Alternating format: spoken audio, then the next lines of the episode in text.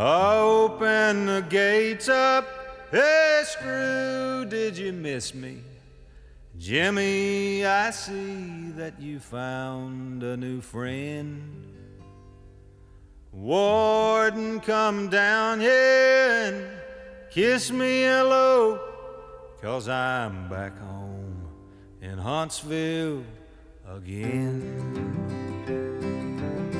Welkom bij de Prison Show, programma over delict, straf, herstel en terugkeer. Oprecht, onafhankelijk en baanbrekend. Want iedereen heeft recht van spreken en verdient erkenning voor wie hij of zij is. Met Edwin En Frans. Yes, I'm back home in Huntsville again. Welkom bij de Prison Show podcast. Overal te vinden, Spotify, iTunes en alle podcast apps en via prisonshow.nl. Of volg ons op eh, social media. Momenteel vooral op Facebook en Twitter te vinden. Ja, en eh, het is vandaag eh, de uitzending van 8 oktober. En Frans, dat wil zeggen dat op het, het moment dat deze podcast uitkomt en wordt beluisterd, dat wij, wij zijn op dit moment dan in Eindhoven voor een bijzondere dag. Wat kun je Ja. daarover vertellen? Want daar komt volgende week een podcast over. Ja, nou ja, eh, dit is de ontmoetingsdag van de Stichting Herstel en Terugkeer. En dat was eigenlijk een dag waarop eh, alle betrokkenen bij het hele proces van herstel en terugkeer bij elkaar komen. Ehm, vanwege corona iets minder als anders, ongeveer 120 mensen. We hebben het een aantal keren eerder gedaan. En ehm, ja, dat zijn mensen die eh, of zelf in de gevangenis gezeten hebben, of nabestaanden zijn, of slachtoffer zijn geworden van geweld, of families van die groepen. En die, eh, ja, de dag is eigenlijk heel eenvoudig ingericht. Eerst een getuigenis van eh, verschillende mensen die, eh, die vanuit hun eigen positie, hoe zij dat ervaren hebben. De rest van de dag wordt eigenlijk vooral besteed aan gespreksrondes waarin mensen aan tafels met elkaar bespreken van, goh, wat zou ik voor jou kunnen betekenen om jou verder te helpen vanuit mijn positie en vanuit mezelf. En wat zou jij voor mij kunnen betekenen om mij verder te helpen? Zou mij helpen. En eh, nou ja, er wordt een award uitgereikt. En eh, er is ook een optreden van ervaringsdeskundigen. Dus het is een hartstikke leuke dag. In de Woest Support in, eh, in Eindhoven wordt die georganiseerd. En we gaan daar de nodige interviews opnemen, die dus ook vanaf volgende week te horen zijn op ons podcastkanaal. Dat even vooruitblikkend op wat wij eh, binnenkort gaan brengen. Dan over de uitzending van vandaag. We gaan praten over Slachtofferhulp Nederland. Zij helpen na misdrijven, verkeersongevallen, rampen en calamiteiten. En u kunt bij hen terecht voor emotionele steun. Ze ondersteunen in het strafproces en helpen u uw schade vergoed te krijgen. Ja, en eh, ja, wat ik altijd vind is dat snelheid eh, heel erg belangrijk is. En ook iets zegt over de kwaliteit van de hulpverlening. En wat Slachtofferhulp Nederland zegt is: we helpen u vandaag verder. Op het moment dat u dat wilt, op een manier die bij u past. En eh, ja, daarom zijn vandaag de gasten in de Prison Show Lena Olivier, zus van Miranda, die in 2014 door haar partner werd vermoord. En Jeroen Honhoff, teamleider Case Management bij Slachtofferhulp Nederland. Hartelijk welkom, Lena en Jeroen, op de Prison Show. Ja, welkom. Dank jullie wel. Fijn dat jullie er zijn. En eigenlijk, terwijl we dit, deze inleiding aan het vertellen zijn, is het eigenlijk gek dat jullie nog niet eens geweest zijn. Ik ben echt heel blij dat, eh, dat jullie nu hier zijn om het verhaal te vertellen. Ehm, ja, ehm, laat ik beginnen met eh, Jeroen. Jeroen, hoe ben jij bij Slachtofferhulp terechtgekomen? Ik ben in 2014, er was eigenlijk gewoon een, eh, een advertentie was er geplaatst. Gewoon, ze zochten een teamleider. En ik werd getipt door een, eh, iemand op de sportschool, want ik had gemopperd. Ik was ZZP'er daarvoor, dat ik voor een opdracht heel ver weg moest. En hij had iets gezien en zegt, dat is misschien iets voor jou. Dus ik heb gewoon gesolliciteerd en eh naar gesprekken en een assessment gehad. En eh, toen ben ik 2014 daar gekomen. Want jij hebt een hele achtergrond al in de hulpverlening, hè? Ja, ik heb achtergrond in de hulpverlening. Daarvoor eh, werkten we met eh, dak- en thuisloos en veelplegers. Daar deden wij dagbesteding voor en hielpen we ze op alle leefgebieden. Ehm, en daarvoor heb ik ook bij Bureau Jeugdzorg gewerkt, Raad voor de Kinderbescherming en eh, Jeugdinrichting. Dat was eigenlijk mijn, toen, ja, mijn passie, zo ben ik eigenlijk in de hulpverlening terechtgekomen in de jaren negentig. In de Rijkse richting vroegen ze, goh, dat is echt iets voor jou. Ik deed wat projecten met langdurig werklozen als uh, rijinstructeur. Dat waren toch meestal uh, ja, mensen op de rand van de samenleving of wel eens uh, iets aan de andere kant. En daar, ja, daar heb ik toch wel altijd een klik mee gehad. Ja. En uh, toen wist ik wat ik wilde. Toen ben ik pas later gaan studeren, eigenlijk HBO en uh, post-HBO. En toen wist ik, ja, dit is het. En ja. nooit meer uit die hulpverlening. Ben je nog steeds, uh, dat is misschien een vraag die bij sommige luisteraars opkomt. Um, ben je nog steeds vrolijk? Heb je nog steeds een positief mensbeeld na al die ervaringen met mensen die buiten de boot vallen? Ik heb nog steeds een, uh, een, ik zeg maar, ik ben niet naïef, maar ook niet uh, verzuurd geraakt, laat ik het zo zeggen. Dus ik kijk altijd per persoon en uh, daar gaan we het misschien ook nog hebben, hoe dicht slachtofferschap en daderschap en mensen verweven zijn en wij allemaal veel meer uniform hebben. En een klein aantal mensen zijn er natuurlijk waarvan ik wel denk, eerlijk gezegd, aan zowel de slachtofferkant soms als aan de daderkant. Ik denk, goh, dat heeft het leven niet mooi gemaakt voor deze mensen. Maar goed, dat, ja. uh, waar ligt een omslagpunt? Beer interessant. Ik ben er nog steeds niet over uit. Dus, uh, ja. Oké. Okay. Kun je in het begin nog even precies toelichten wat jullie doen? En uh, hoe komen mensen met jullie in contact? En wat gebeurt er dan vervolgens? Gewoon even ja. als basis. En dan, dan, pak ik er een, een, stukje uit van Slachtofferhulp Nederland. Ik ben dan teamleider bij het case management. En uh, wij begeleiden, we krijgen eigenlijk de, uh, zeg maar de cliënt aangeleverd van de politie. Dat is eigenlijk de hoofdmoot. Want dan is er een uh, delict gebeurd, laat ik zeggen, er is een, een moord. En die bellen dan of mailen naar ons aanmeldpunt. En dan komen wij al redelijk vroeg eigenlijk in, in de zaak, samen met de familieregisseur. En met een zaakscoördinator. Met, met het slachtoffer, het slachtoffer Ja, wij nemen contact op. Eerst wordt aan slachtoffers natuurlijk netjes gevraagd van... Goh, wilt u slachtofferhulp? Uh, hè? En uh, dan vertellen zij ook al vaak van... Goh, zij kunnen soms hè, nou, op het juridisch gebied een advocaat voor u regelen... en ze blijven het hele traject uh, bij u. En nou goed, en dan krijgen wij ze aangeleverd. Soms zijn we, meestal zijn we er heel vroeg in. En het gebeurt ook wel eens dat we iets later in beeld komen omdat de politie iets later aanmeldt. En soms merendeel om goede reden, maar ook wel eens dat ik denk, goh, had even iets eerder op de lijn gekomen. Ja, ja. oké. Okay. Um, Lena, hoe ben jij in contact gekomen met uh, slachtofferhulp? Nou, ook in 2014, maar wel om een heel andere reden inderdaad. Uh, ik ben met slachtofferhulp in contact gekomen omdat in uh, juni 2014 mijn zusje om het leven is gebracht door haar, uh, door haar vriend. Uh, nou ja, dan kom je in een wereld terecht waar je het bestaan niet van weet. En toen kwam inderdaad de familieregisseur en, en een case manager al, al, al erg snel bij ons over de vloer. De moord speelde zich af in Leeuwarden. mijn zusje woonde daar, dus wij, ja, wij zijn daar ontzettend goed en warm opgevangen door de familieregisseurs. waren er twee en, en de case manager uh, Peter. Wat is op zo'n moment het, het, belangrijkste eigenlijk om te doen voor, voor een hulpverlener? Uh, structureren um, en rust bieden. Want het is zo'n enorme chaos en er zijn zo ontzettend veel uh, kinderen, ouders, broers, zussen bij betrokken werkgevers. Ehm, dat je eigenlijk zelf door de boom het bos niet ziet en je komt terecht in een wereld die je niet kent. Ik, ik had het nog nooit eerder meegemaakt, gelukkig, en ik, ik wens het ook niemand toe. Um, dus voor ons was het belangrijk om uh, rust, hè, één persoon te hebben waar je je vragen aan kunt stellen. Um, dus in dit geval de case manager voor de meer praktische zaken en de familieregisseur ja, toch voor wat is er nou eigenlijk gebeurd. En, en, en neem ons mee in alle eerlijkheid en openheid. Wat is er die avond, uh, ja, wat heeft er die avond plaatsgevonden? Ja. Ja, nou, dat lijkt me ook een. Uh, kan ik me heel goed voorstellen dat dat, is, dat dat precies is wat je op dat moment inderdaad uh, nodig hebt. En zo ben je ook ondersteund. Ja. En hoe is dat verder gegaan? Want dat was eigenlijk die eerste behoefte. Zeg maar. Ja, Ehm, nou ja, je komt natuurlijk in, in een hele hectische periode terecht waarin veel geregeld moet worden, maar waarin je eigenlijk ook leeft in een soort twilight zone. Het is, het is niet te bevatten waar je bent.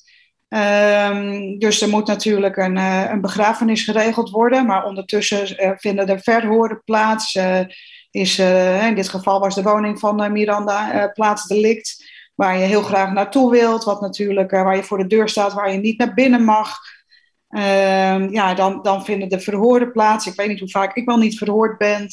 je ouders. Dus het is, het is een, een, een, een ratje toe van ja, van, van chaos. En er waren natuurlijk kinderen bij betrokken, dus je zit met, met, met scholen. En dat is wat ik denk ik het meeste als meest waardevol heb ervaren van Peter, de case manager van Slachtofferhulp. Dat hij eigenlijk het zo wist te structureren dat hij de, de juiste aandacht had voor mijn ouders. Die uh, natuurlijk een heel ander soort aandacht nodig hadden dan bijvoorbeeld ik. Ik schoot heel erg in de, in de actiemodus. Wij moeten dit doen, er moet een advocaat komen. En uh, eigenlijk wilde ik het gewoon allemaal zelf regelen.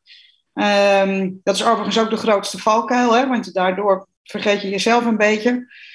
Um, en ik hoorde dat Jeroen net zeggen, hè, het, het, regelen van een advocaat, dat klopt. Um, wat, ik, wat ik heel erg als heel bijzonder heb ervaren is als er een, een moord plaatsvindt, dan zijn er eigenlijk, uh, heb je helemaal als nabestaande geen, geen recht van spreken uh, in de rechtszaal, dus de officier van justitie, want er is, er is geen slachtoffer, het slachtoffer is dood. Uh, ik kon dat heel moeilijk verkroppen. En ik ben toen wel op eigen initiatief naar, naar Richard Korver gestapt. omdat ik het nodig vond dat daar wat, wat, wat zwaarder geschut bij aan de pas kwam dan zeg maar alleen de officier van justitie en ehm, een, een, nou ja, laat ik het zeggen, een iets minder bekende advocaat. Dus eigenlijk zijn alle praktische zaken geregeld. Dat was één voor mij erg belangrijk. Daarnaast was het erg belangrijk dat um, de kinderen van mijn zus werden opgevangen. En heel praktisch wat slachtofferhulp heel goed heeft gedaan. Dus dat een van de meiden zou gaan studeren. Uh, wilde dat niet meer in Leeuwarden doen. En wij hebben eigenlijk op het laatste moment samen met de case manager kunnen regelen dat zij in Amsterdam uh, kon gaan studeren. Zelfde studie, maar wel uit de ja, hele nare omgeving waar ze niet meer wilde zijn. Dus op dat moment is ze bij mij komen wonen. Nou, al dat soort pra praktische zaken zijn er, uh, zijn er gedaan. Ehm, dan ja. beginnen natuurlijk de zitting. Wat me, wel, uh, wat me wel raakt ook, is dat je zegt van ja, op het moment dat het slachtoffer overleden is, is er eigenlijk formeel niets voor de mensen die nabestaanden zijn. Nee, dat klopt. En dat, dat raakte me wel, want dan denk ik van ja, dat is toch wel een partij die enorm geraakt is. Hè? Ja. Dus je zou eigenlijk verwachten dat, en in ieder geval hopen, dat daar, dat daar mensen voor zijn om die te ondersteunen. Ja, en die zijn er ook, hè, zeker. Ik, nogmaals, de familierechercheurs die wij hebben getroffen en ook weten de case manager draag ik een heel warm hart toe. Maar je hebt, je hebt meer nodig, want ook zij zijn natuurlijk aan bepaalde wetten en regels gebonden. Mm. En um, wat ik heel prettig vond om met de case manager te, case manager te kunnen bespreken, is: hé, hey, ja, ik zou het liever op deze manier doen. Ik wil de officier van justitie spreken. Ik wil uh, uh, toch een bepaalde andere opstelling in, uh, tijdens de rechtszittingen. En dat, daar, daar hebben zij mij absoluut praktisch heel goed bij kunnen helpen. Kun je ook formuleren wat dat dan precies is, wat je mist en wat je erbij zou willen hebben? wat de Corver dan gedaan heeft? Nou, bijvoorbeeld, ik wist helemaal niet het, het verschil tussen het recht van inzage of het, of het recht van, uh, van schrift, geloof ik, heet het. Ik ben het een beetje vergeten, maar ik wilde dat politiedossier hebben. Ja, ja. En, dat, en dat kreeg ik niet zonder slag of stoot. Nee. Maar ik denk ook al moet de bovenste of de onderste steen boven komen. Ik wil dat dossier. En niet alleen voor mezelf, maar ook voor de jongste dochter van mijn zus. Die, uh, dit raakt mij. Die helemaal niet meer naar haar moeder wilde kijken. Maar wel de mogelijkheid moet hebben om het terug te lezen als ze de leeftijd heeft, dat wel te kunnen. Sorry hoor. Ja. Uh, dus dat zijn hele praktische zaken waar, waar Corver heel goed bij heeft kunnen helpen. En dan, is het prettig om met een uh, bijzonder ervaren man te maken te hebben. Ja, ja dus kennelijk uh, is dit iets wat niet zomaar zonder slag of stoot gegeven wordt. En waar je dus wel uh, nadrukkelijk, zeg maar, dan heb je met privacy waarschijnlijk te maken en allemaal dat soort dingen Ja. waar je wat extra druk voor nodig hebt om dat voor elkaar te krijgen. Ja, ja, privacy is wat dat betreft natuurlijk eh, eh, heel, een heel belangrijk en heel mooi ding voor ons allen. Maar af en Ja. toe staat het ook wel eens in de weg. Hè? Een mooi voorbeeld daarvan is, eh, denk aan sociale media. Ik wilde heel graag inzage hebben in, eh, in de messenger, eh, messengers van, van mijn zus op Facebook. Ja. Ja, dat krijg je, dat krijg je niet voor elkaar. En dat zijn, eh, dat zijn eh, ja, daar kan iedereen zijn best voor doen, maar dat is echt wel vechten tegen de bierkaai. Ja, dat, dat, dat herken ik. Alleen wat ik ook wel ken, en dat zal Lena eh, is natuurlijk ook nog steeds betrokken. Het is wel sinds 2014 wel, zeg maar, dossier inzagen. Daar zijn wel, de rechten zijn gelukkig wel eh, steeds meer verankerd in de afspraken. Ja. Dus je ziet nu dat advocaten, waar ze vroeger, eh, bijvoorbeeld meneer Korver, eh, wel een lans en meerdere advocaten voor gebroken hebben, dat die rechten nu veel, veel meer zijn toegenomen, gelukkig. Dus Ja. heeft Lena een terecht punt. Vroeger moest je daar nog wel eens wat meer voor moeite voor doen.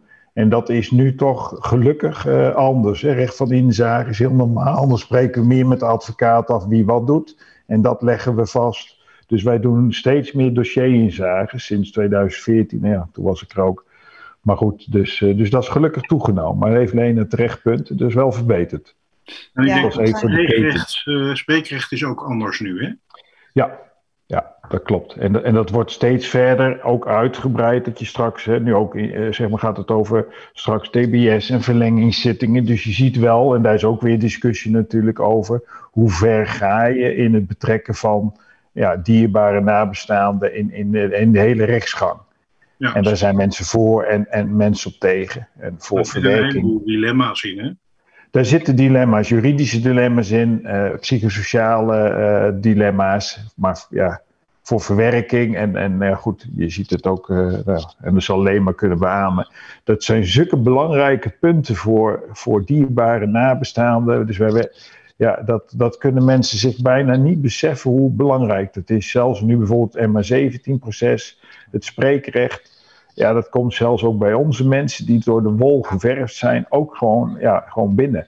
Dan zie je toch weer hoe belangrijk zulke eikpunten zijn. Nou ja, dat was dan ook 2014. En er zijn mensen, net Lena, wat heel normaals, eh, ja, wat is normaal, maar emotioneel. Ja, Ja, dat, dat is inderdaad het spreekrecht. En ik, en ik vind dat fantastisch, hè, dat als je ziet wat de afgelopen jaren allemaal verbeterd is. Want ik denk dat, dat er in Nederland ehm, ontzettend veel heel goed geregeld is. En dat er ook ontzettend veel nog beter geregeld kan worden. En dat is denk ik waar we ons met elkaar eh, voor inzetten. Spreekrecht is daar één van. Eh, toen wij in 2014 toch als gezin eh, het spreekrecht wilden uitoefenen, moesten wij heel goed gaan bepalen wie doet dat dan. Dus ik heb het Ja. gedaan voor mij en mijn broer. Ik heb het ook gedaan voor, de, voor de kinderen van mijn, mijn zus. Ehm, en mijn vader heeft nog iets voorgelezen. Dat moest beknopt. En ik vind het heel fijn inderdaad, nou laten we de MH17 als voorbeeld nemen, dat daar nu dagen ingeruimd zullen gaan worden om al deze mensen te horen. Want ehm, voor mij was het ehm, ja, toch wel de laatste keer om Miranda een gezicht te geven. Ik had ook een, een hele grote foto mee. Ik vond het namelijk een, een, een niet te verkroppen idee dat er allemaal mensen over haar aan het praten waren.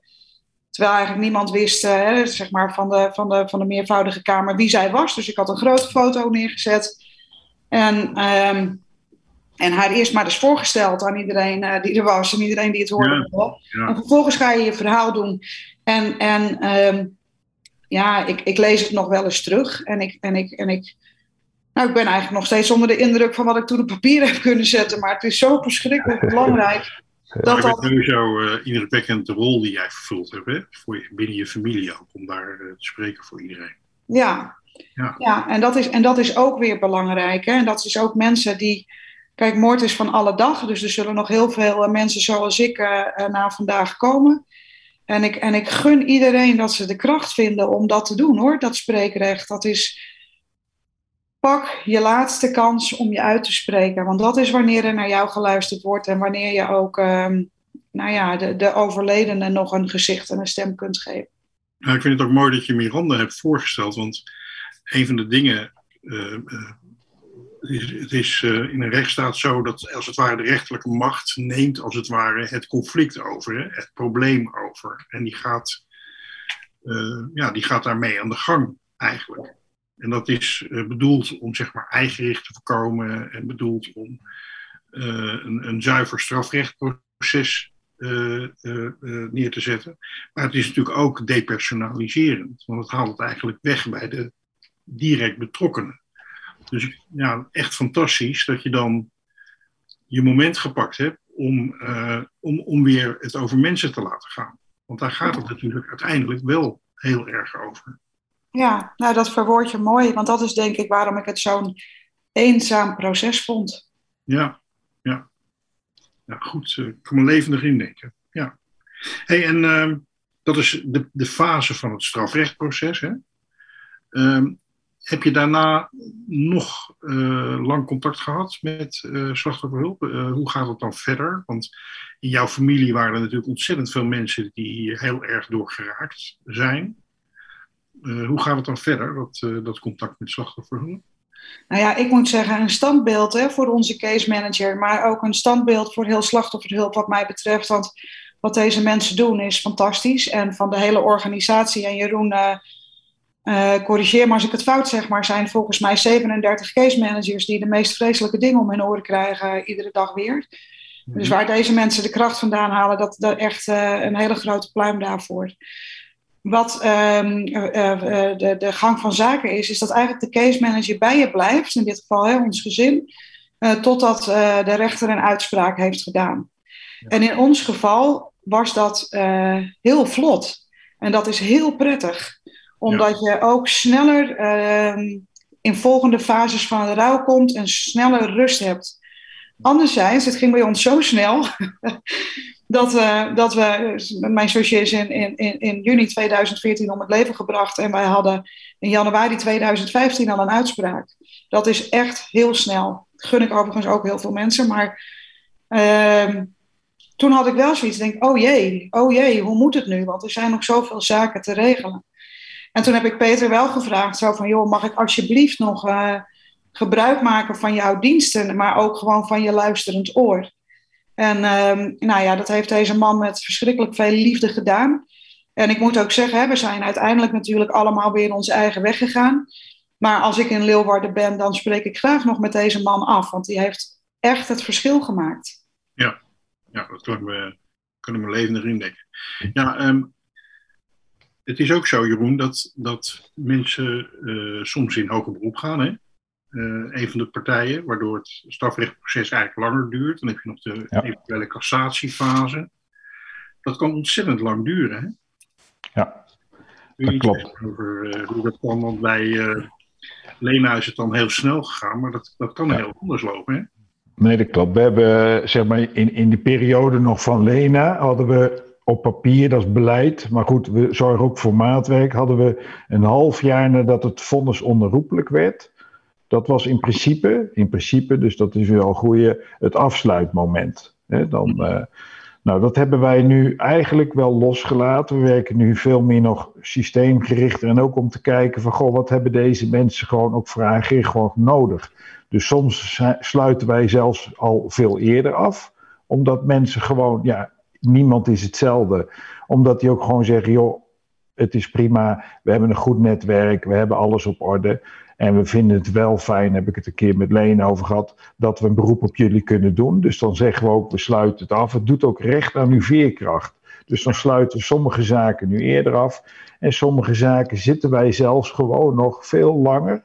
Is nog wel een dilemma soms, want dan zitten wij, heb ik het echt over niet twee, drie jaar, heb ik nog nooit in de hulpverlening, maar we zitten gewoon soms vijf, zes of langer, zijn wij met mensen dan, sommigen in de weer in hun systeem. Dus ja. dat doet ook weer iets in afstand nabijheid op, uh, nou, op het gebied van de werkers. En uh, om daar afstand en een, uh, nou, soort afstand te houden, voor zover dat soms kan. Ja. Ik kan me voorstellen dat als je als werker, zoals Peter bijvoorbeeld, hè, die echt heel intensief in een heftige situatie met familie te maken heeft. Ik kan me voorstellen dat het ook wel echt nodig is dat je daar zelf ook als werker een stukje professionele ondersteuning krijgt. Hè, in de vorm van coaching of wat dan ook. Ja. Uh, omdat je op een gegeven moment er ook heel erg zelf emotioneel ook in gaat zitten. Dat is bijna onvermijdelijk. Hè? Dat, dat, dat klopt. We hebben verschillende instrumenten. Eentje, een daarvan is naar de werkbegeleiding. Dus dan zit ik gewoon, bij sommigen is het een soort, ik noem het maar oneerbiedig, een been op tafel gesprek. Dat zijn de door de wol geverfde uh, mensen. Uh, bij sommigen ben je toch meer in een coachende uh, rol van, joh, dit komt er dichtbij. Um, dan hebben wij ook nog gedragsdeskundigen in dienst, dus daar kunnen ze ook vragen stellen. We hebben intervisie en dan één keer per twee jaar een mental check-up. We hebben nu supervisie aangeboden en er zijn er maar een paar die daar gebruiken. En we werken ook veel in de teams zelf. En dat, nou ja, uh, jij kent het ook nog wel als groepsleider. Jouw uh, veiligheid hangt van je maatje af. Zo op die manier werken wij ook. Dus zij weten heel veel casuïstiek van elkaar. Zij delen zelf zaken uit. En daar zit volgens mij in de veiligheid, het is een beetje vaag misschien, daar zit de grote winst. Alla, ik zeg maar een beetje à la buurtzorg. Zij doen zoveel mogelijk zelf, eigen regie. Uh, zij zijn ook veerkrachtig. En, uh, maar we hebben heel veel instrumenten eromheen zitten om je Zo, uh, goed te houden. Dat is wel heel goed om te horen, hè? want wat je vaak ziet is dat bij heel veel instellingen is, is het coachen en de intervisie wegbezuinigd. Hè? Dat klopt en daarom noem ik hem ook bewust. En het is ook echt zo. En het is ook nodig als jij, ze hebben 30 tot 35 zaken, sommige wat minder. En dat is ook niet in tijd soms uit te drukken. En, uh, en wij worden wat dat betreft ja, keurig gefinancierd. Uh, wel hoge werkdruk, maar het is wel, ja, als je gewoon, ja, gewoon zelf regie hebt, is dat wel goed in te delen. En ik ken dat wel eens anders. Dan word je aangestuurd door de zorgverzekeraar of uh, een of ander financieringssysteem. Als dat zo is, ga ik weg. Dan ga ik wat anders doen. Dat vind ik zonde. Ja, er wordt gezegd uh, van, luister, jij hebt, je, jij hebt je diploma, dus jij kan het, punt. Doen. Ja, ja. dat klopt. Ja. dat lijkt me dus. Uh, en, en, en, en, succes en hoe lang je overeind blijft, dat is mooi. Dat is meegenomen. En anders dan nemen we weer iemand anders aan. Ja. Alla, nou ja, vroeger wel eens. Ja. Precies, dat is precies wat ik. Maar niet bij slachtofferhulp, dat moet erbij zeggen. Gelukkig, gelukkig. Het lijkt me ook heel erg nodig om dat niet te doen. Klopt, helemaal mee. Hey, um, Jeroen, um, de luisteraars, uh, kijk, slachtofferhulp is natuurlijk heel bekend. En uh, geen mens is hetzelfde, geen zaak is hetzelfde. En jullie hebben ook een enorme diversiteit aan zaken natuurlijk. Maar ook ja. in behoeften van mensen. Hè? Want de een die zegt van nou, uh, ik heb eigenlijk niks nodig, of, of, een heel klein beetje. En de ander heeft een veel intensievere vraag. Kun je aan de hand van uh, een paar voorbeelden uh, voor de luisteraar met name duidelijk maken wat je, wat je dan zo al tegen kunt komen? Een paar, paar verschillende voorbeelden. Ja, dat, is goed. Um, ik pak nu even een, een, een, voorbeeld. Dat gaat over een, een, een jonge man. volgens mij was hij ergens, dat doet er niet helemaal toe, maar ergens in het begin twintig. Die jongen was psychotisch en die heeft in een psychose heeft hij zijn uh, moeder vermoord en geprobeerd ook zijn vader te vermoorden. Nou, dat is helaas dat met die moeder gelukt, maar niet met de vader. Nou, er zitten ook nog drie kinderen in. En wij ondersteunen deze mensen. En als je het dan hebt, iedereen is verschillend. Vader zag deze. Uh, bedoel je mee de, de, de, de broers en zussen van die jongen? Ja, broers en zusters van die jongen zelf binnen het gezin. En dan ook nog de partners. Die zitten er dan ook uh, in. Dus je hebt een heel groot systeem. En de ene, zeg maar, en dat was niet precies de helft, maar een aantal zagen deze jongen, dus de dader, als patiënt. Dus die wilde gewoon de band onderhouden. Die jongen kwam ook in de TBS-instelling.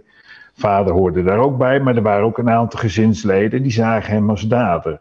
Dus dat gaat binnen zo'n systeem, ja, krijg je dan echt, dat wil je niet weten, maar daar krijg je bijna een tweedeling. Dus dan moeten wij al flink ons best doen. En als dat een tweedeling blijft, zetten we er zelfs twee case managers op, omdat tegengestelde belangen zouden zijn.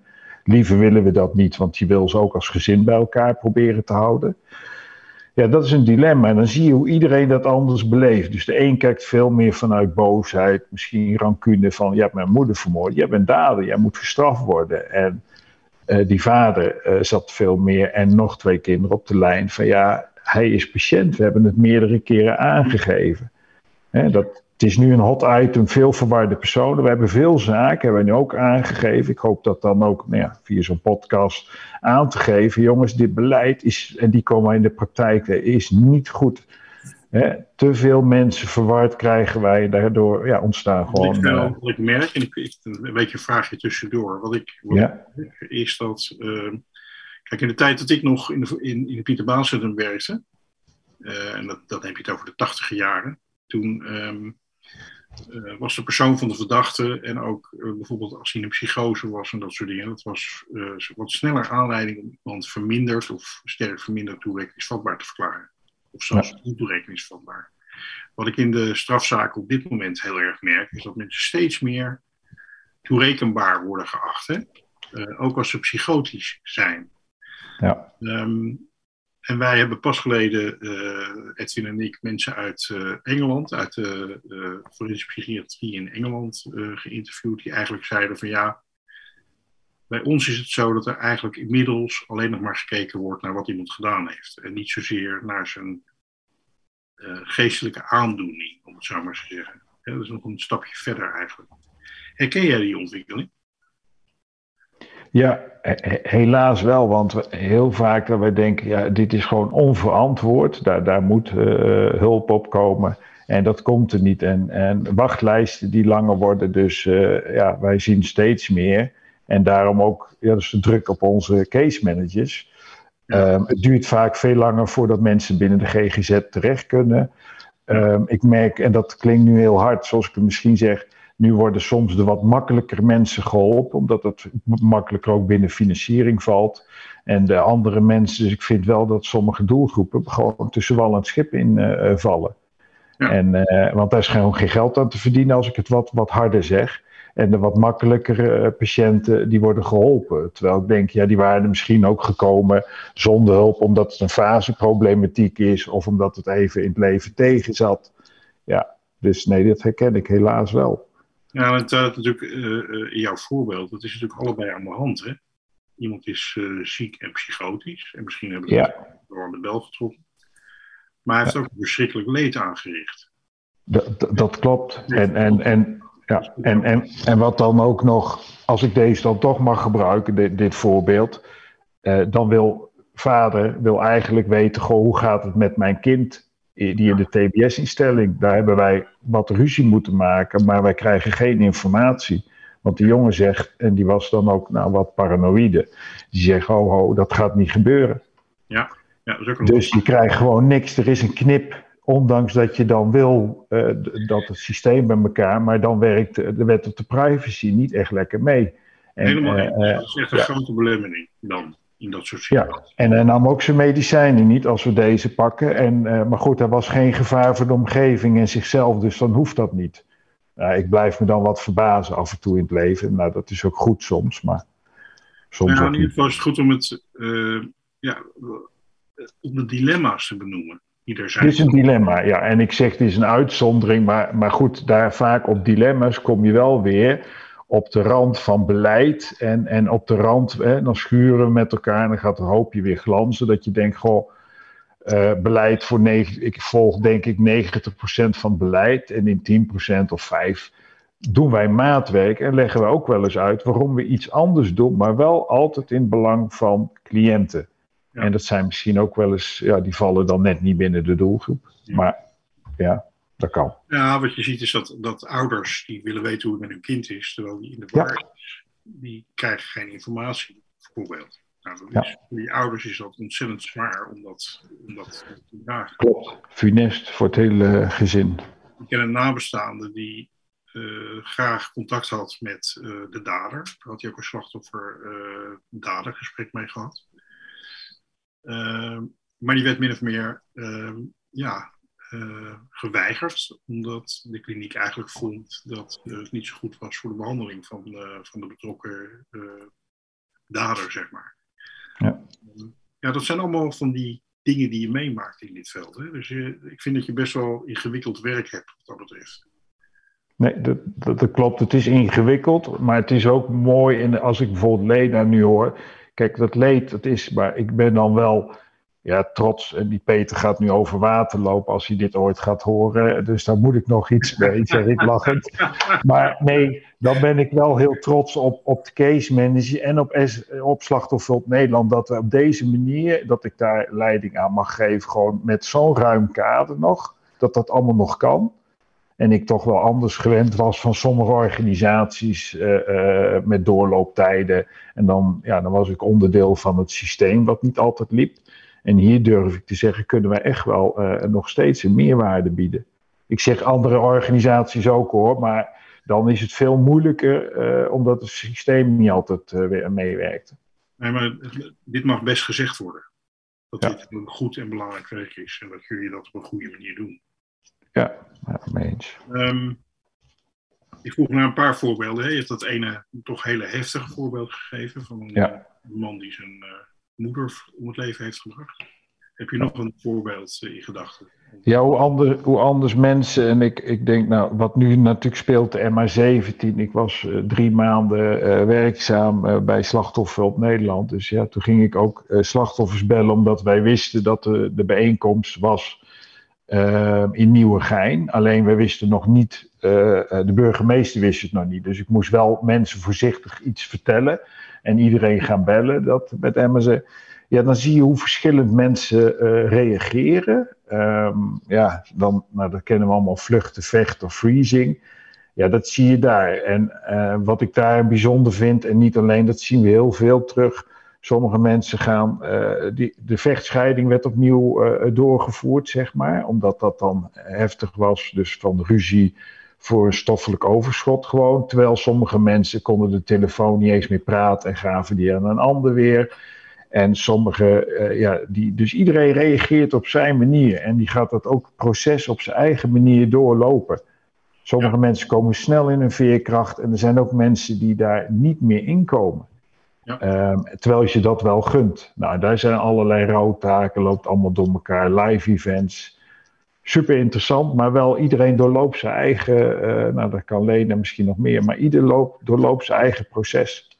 Ja. Ja. ja, je maakt wel een, een, een, beetje in een paar tussenzinnen, tussen een paar zinnen door, maak je in een eerder antwoord even die opmerking over dat het soms lang duurt en dat, dat je dan het verwerkingsproces bij mensen en dan zit je bij het dilemma van goh, uh,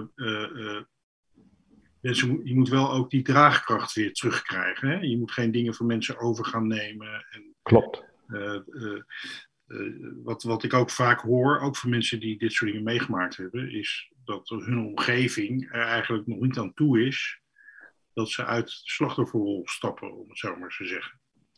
Ja. Um, kun je daar iets meer over vertellen? Van, um, um, uh, iedereen heeft zijn eigen weg, maar hoe ga je om met, uh, met, met de draagkracht van mensen zelf en de hulp die, die je ze biedt?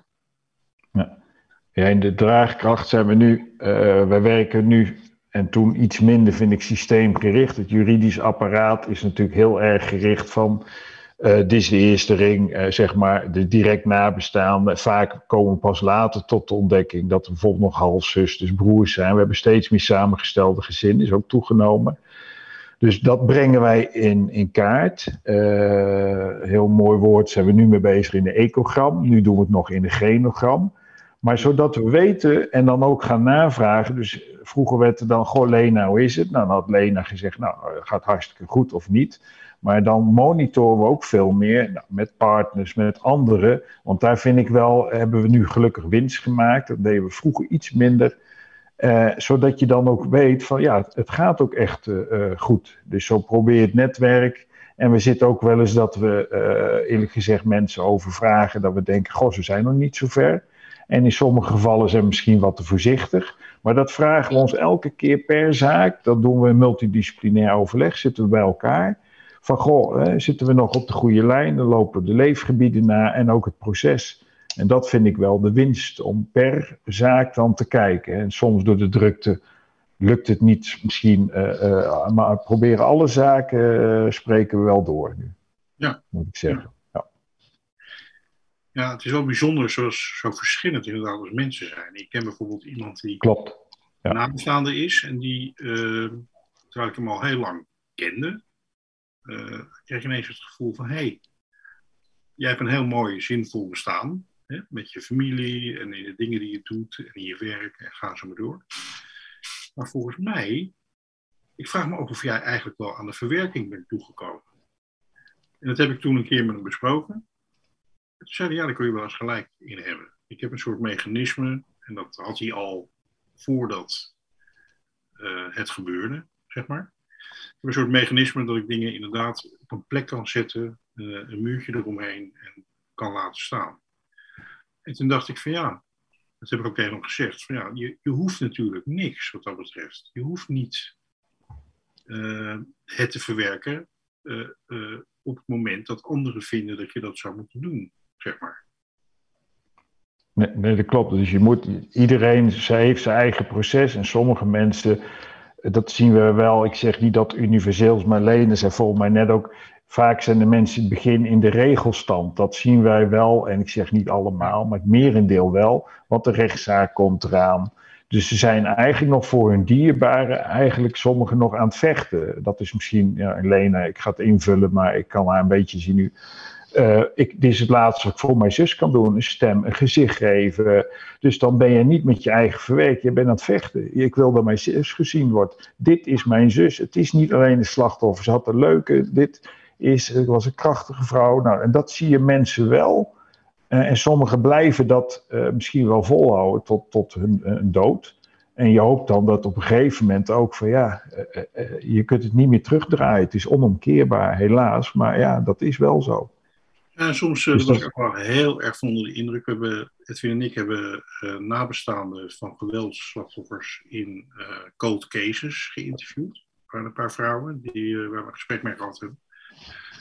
En die gewoon, en dat kan ik me ook heel goed voorstellen, gewoon, ja. En Peter R. de Vries is daar natuurlijk heel erg ook mee bezig geweest. Ja, hoe moet je het nou verwerken als de zaak niet opgelost is? Hè? Dat, dat, dat is wel heel erg lastig. Ja, dat klopt. Dan hou je altijd die vraag, en ik, ik, ik, ik strek een soort parallel bij de MH17, al waar het maar een paar lichaamsdelen. Hè, want iedereen zegt, moet je niet zien. Nou, voor de verwerking, mensen willen gewoon weten, dit is er gebeurd, dit had ze aan kleding aan. De meest aparte vragen, voordat ik hier ging werken, wist ik niet eens dat je zoveel vragen kon stellen. Echt niet. Over juridisch niet, maar ook niet psychosociaal en praktisch. Maar dat is wel de behoefte uh, die, die er op dat moment is. En wil je verder komen het proces, moet je vaak toch vragen. De, zij hebben die stappen nodig. En dat is gewoon zo. Je moet goed luisteren. En uh, zit je niet goed in het proces met de cliënt, dan kom je niet verder. En, uh, en, soms zijn het ook geen reële processen, zeg ik heel eerlijk. En dan moet je ook eerlijk zijn en spiegelen van, goh, ik snap dat u dit vraagt, maar ja, helaas ja, dat is niet meer mogelijk of uh, dat kan niet. Of, nou ja. Heb je daar een concreet voorbeeld van, om daar een beeld bij te krijgen? Wat iemand zou kunnen uh, co Concreet is, is uh, goh, hoe zal ik eens even kijken. Ja, soms hebben we meerdere gesprekken. Ik, ga, noem, maar, ik noem maar iets bij het Openbaar Ministerie. Van goh, ze willen toch meer nog weten. Het forensische gedeelte hebben we zelfs ook wel eens dat we gewoon ja, en dan blijven mensen op sommige manieren, dan is dat niet meer verder te onderzoeken, zowel justitieel niet meer, dus politie niet meer, meer is er niet.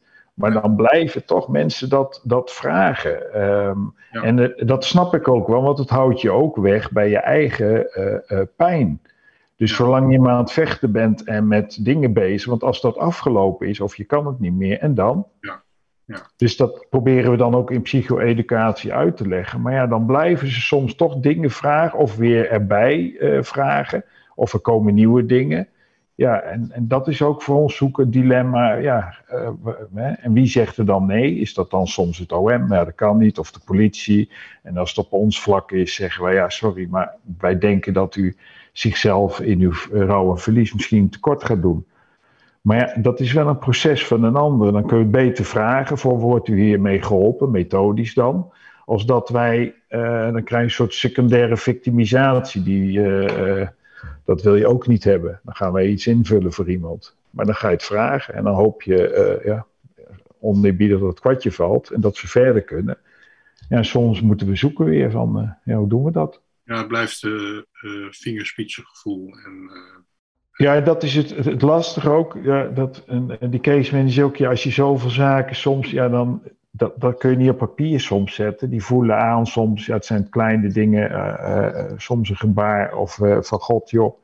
En dan soms zie je ook mensen van, joh, je hebt ook gelijk ook. En ja, ik moet verder of wat dan ook. Dit is Zoom hè, voor de luisteraar. Ik zie je veel knikken. Wil je hier nog iets aan toevoegen wat Jeroen zegt? Nou ja, kijk, het, het zijn, ik herken veel, want ik heb uiteraard mijn eigen mening en gedachten over bepaalde zaken. Dus Ja, ik zou toch wel graag twee dingetjes terug willen komen als dat mag.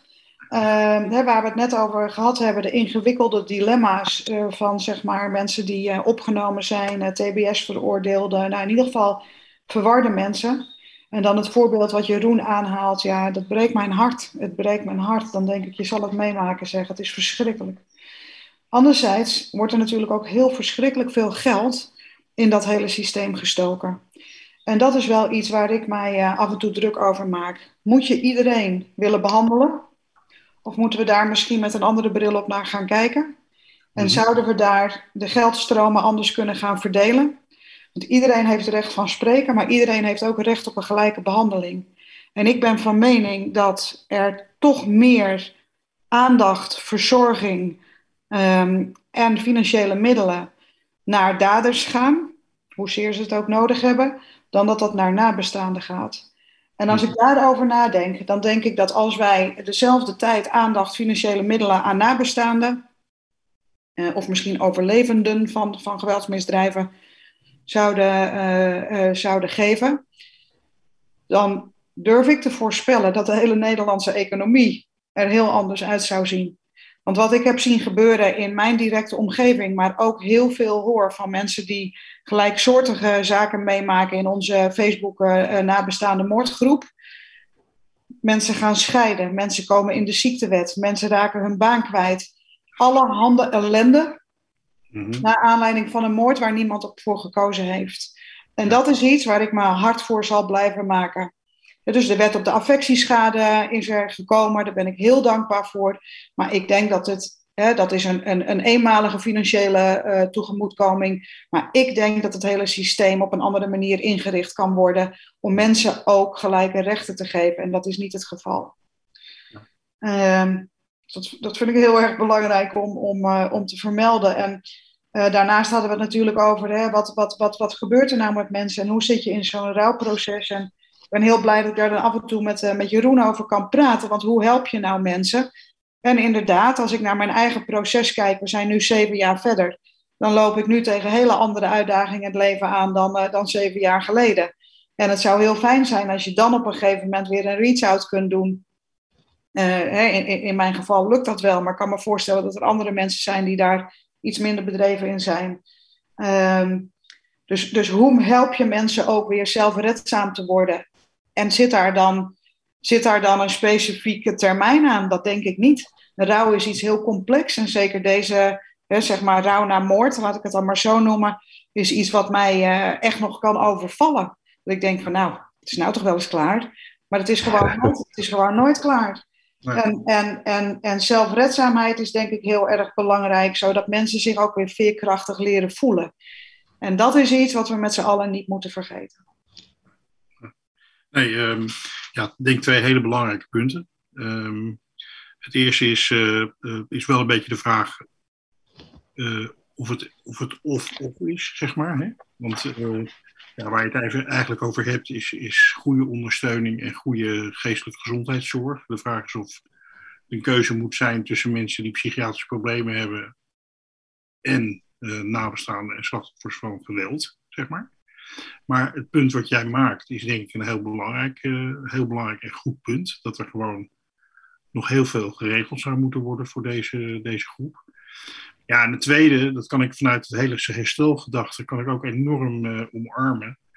Je zult in iedere fase van je leven opnieuw, zeker als je zo'n ongelooflijk traumatische gebeurtenis uh, hebt meegemaakt, zul je ja, weer opnieuw moeten uitvinden hoe je er dan mee om wilt gaan en kunt gaan.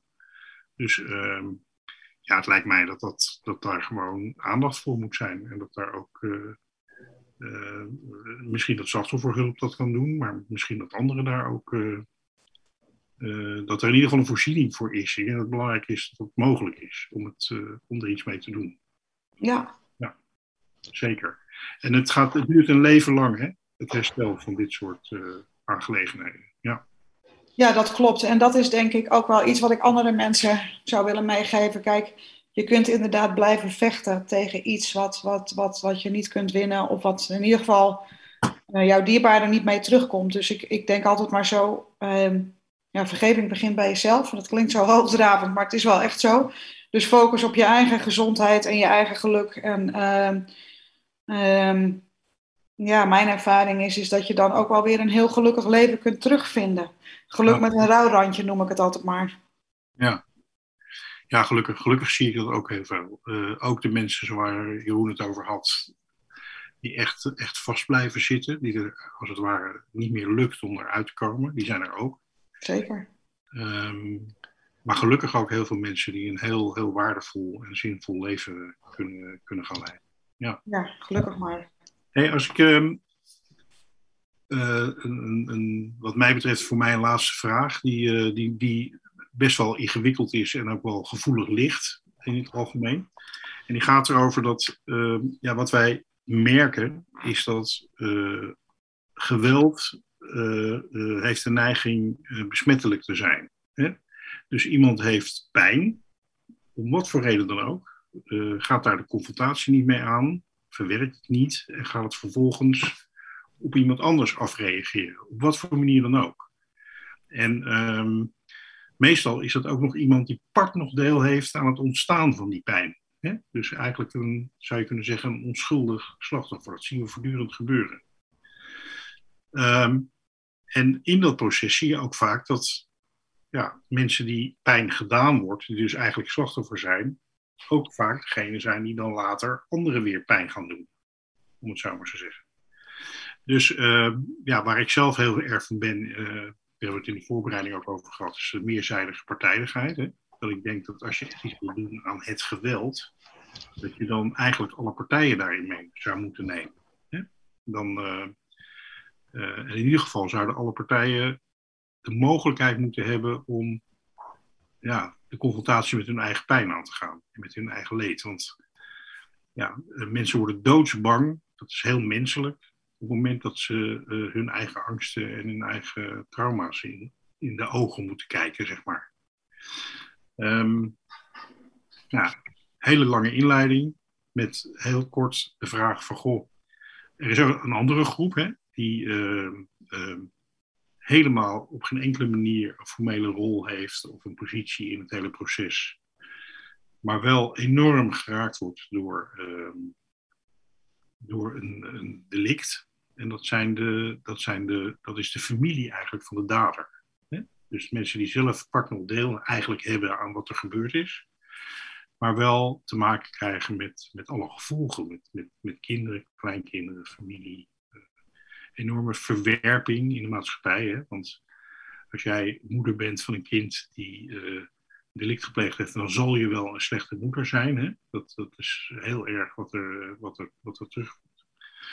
Um, ja, eigenlijk denk ik wel eens van, je zou op een of andere manier ook voor die groep een, een, een vorm van een voorziening moeten hebben.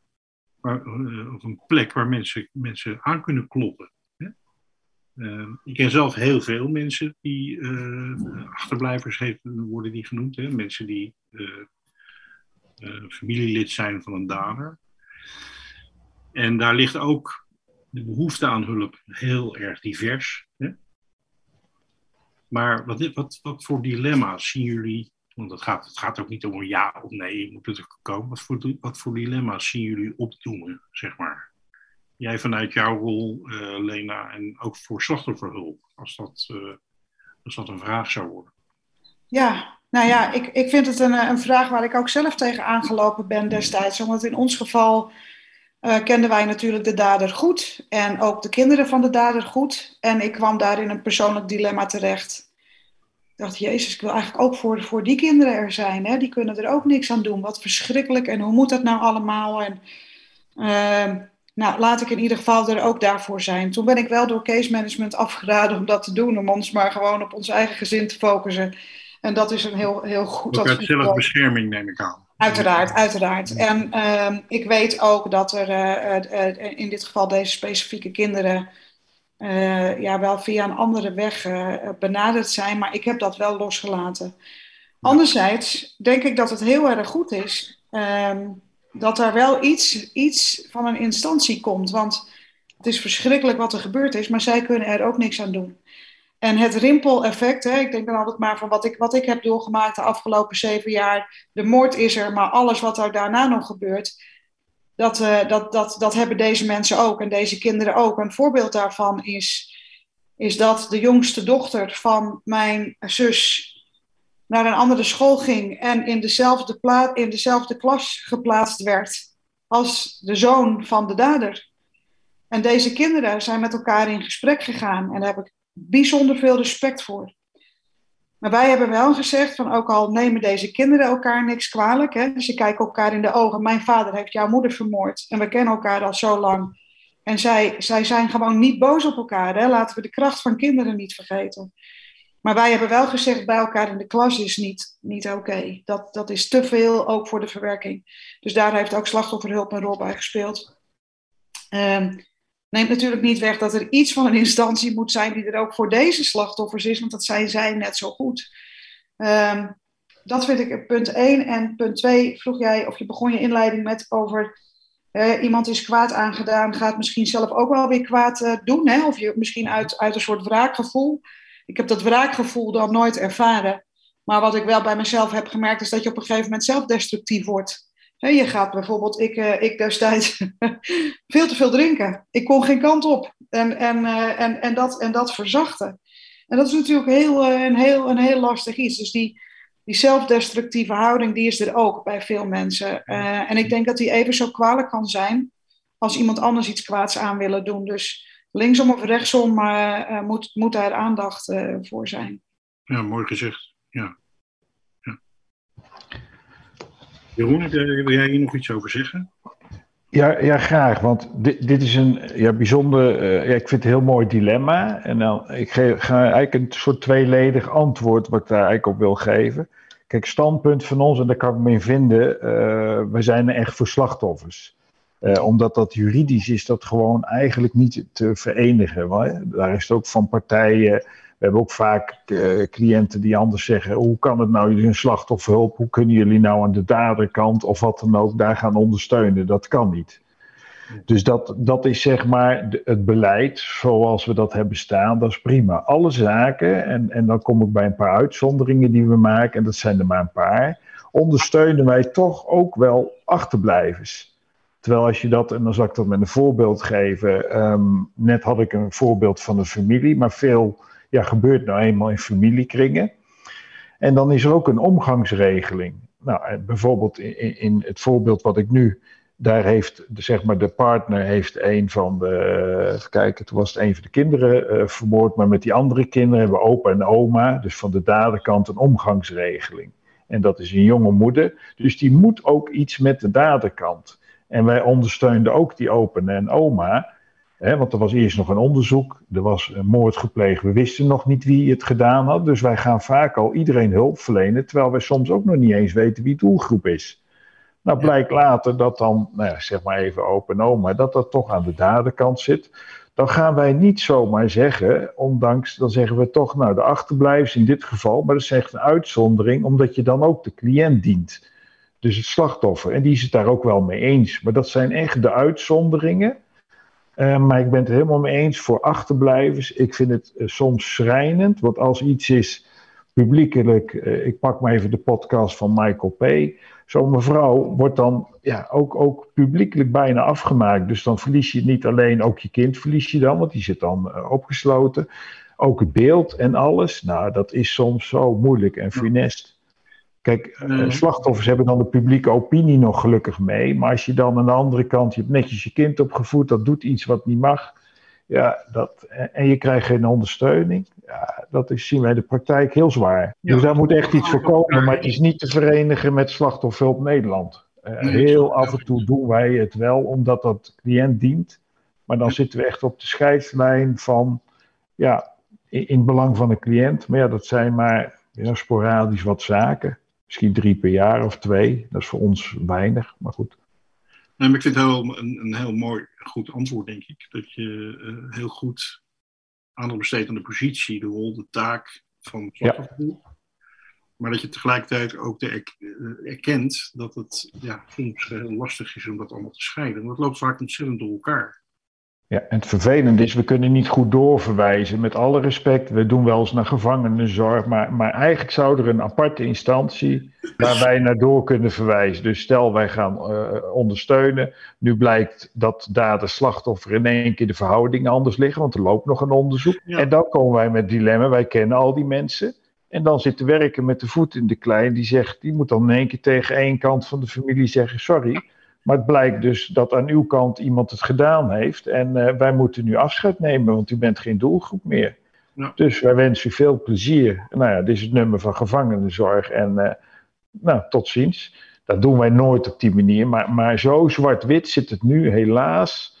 En dan willen we graag doorverwijzen. Ja, dan gaan we naar algemeen werk. doet heel goed werk, maar dat is zeker niet het soort, de instantie die het allemaal regelt. Ik bedoel, nee, maatschappelijk werk is het vaak ook net een brug te ver wat ze dan aangereikt krijgen. En de WMO ook uh, via de WMO-functionaris. Dus wij hebben daar wat handelingsverlegenheid in de keten, uh, laat ik het maar zo zeggen. Ja, ik ken bijvoorbeeld een gezin waar ik al jaren kom, waarvan uh, de vader, nee, de, de, de echtgenoot van de moeder van twee mm-hmm. kinderen, de vader om het leven heeft gebracht bijvoorbeeld.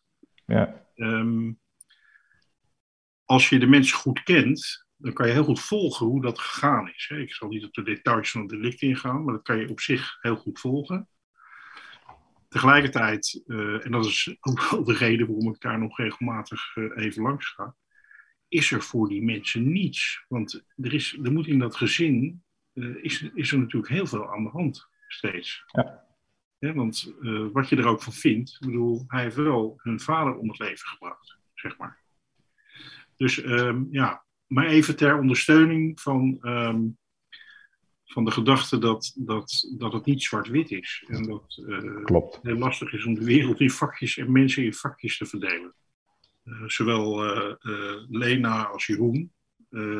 ja, ik ben echt heel blij met dit gesprek.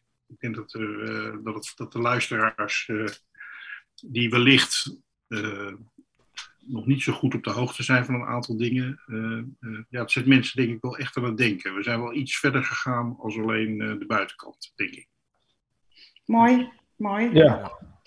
Daar wil ik u voor bedanken. Ik ja. bedank dan ook de luisteraars. Volgende week dus onze special over de dag die we hebben in Eindhoven. Volg daar ook alles over op onze social media op Facebook en Twitter. Prison Show heten we gewoon of ga naar prisonshow.nl. Jullie ook nogmaals dank. Frans, weer bedankt voor deze week en uh, tot volgende nou, misschien week. goed om even te zeggen dat we de gegevens van uh, Slachtofferhulp uh, natuurlijk ja. in de show notes doen. En ik kan me ook heel goed voorstellen dat er mensen zijn die naar aanleiding van deze uitzending meer willen weten of contact op willen nemen of wat dan ook. Dat kan ik me heel goed voorstellen. Ik ook. Dat staat allemaal in de show notes terug te lezen. En wij zijn er volgende week weer. Tot dan. Tot volgende week. Yes, I'm back home in Huntsville again.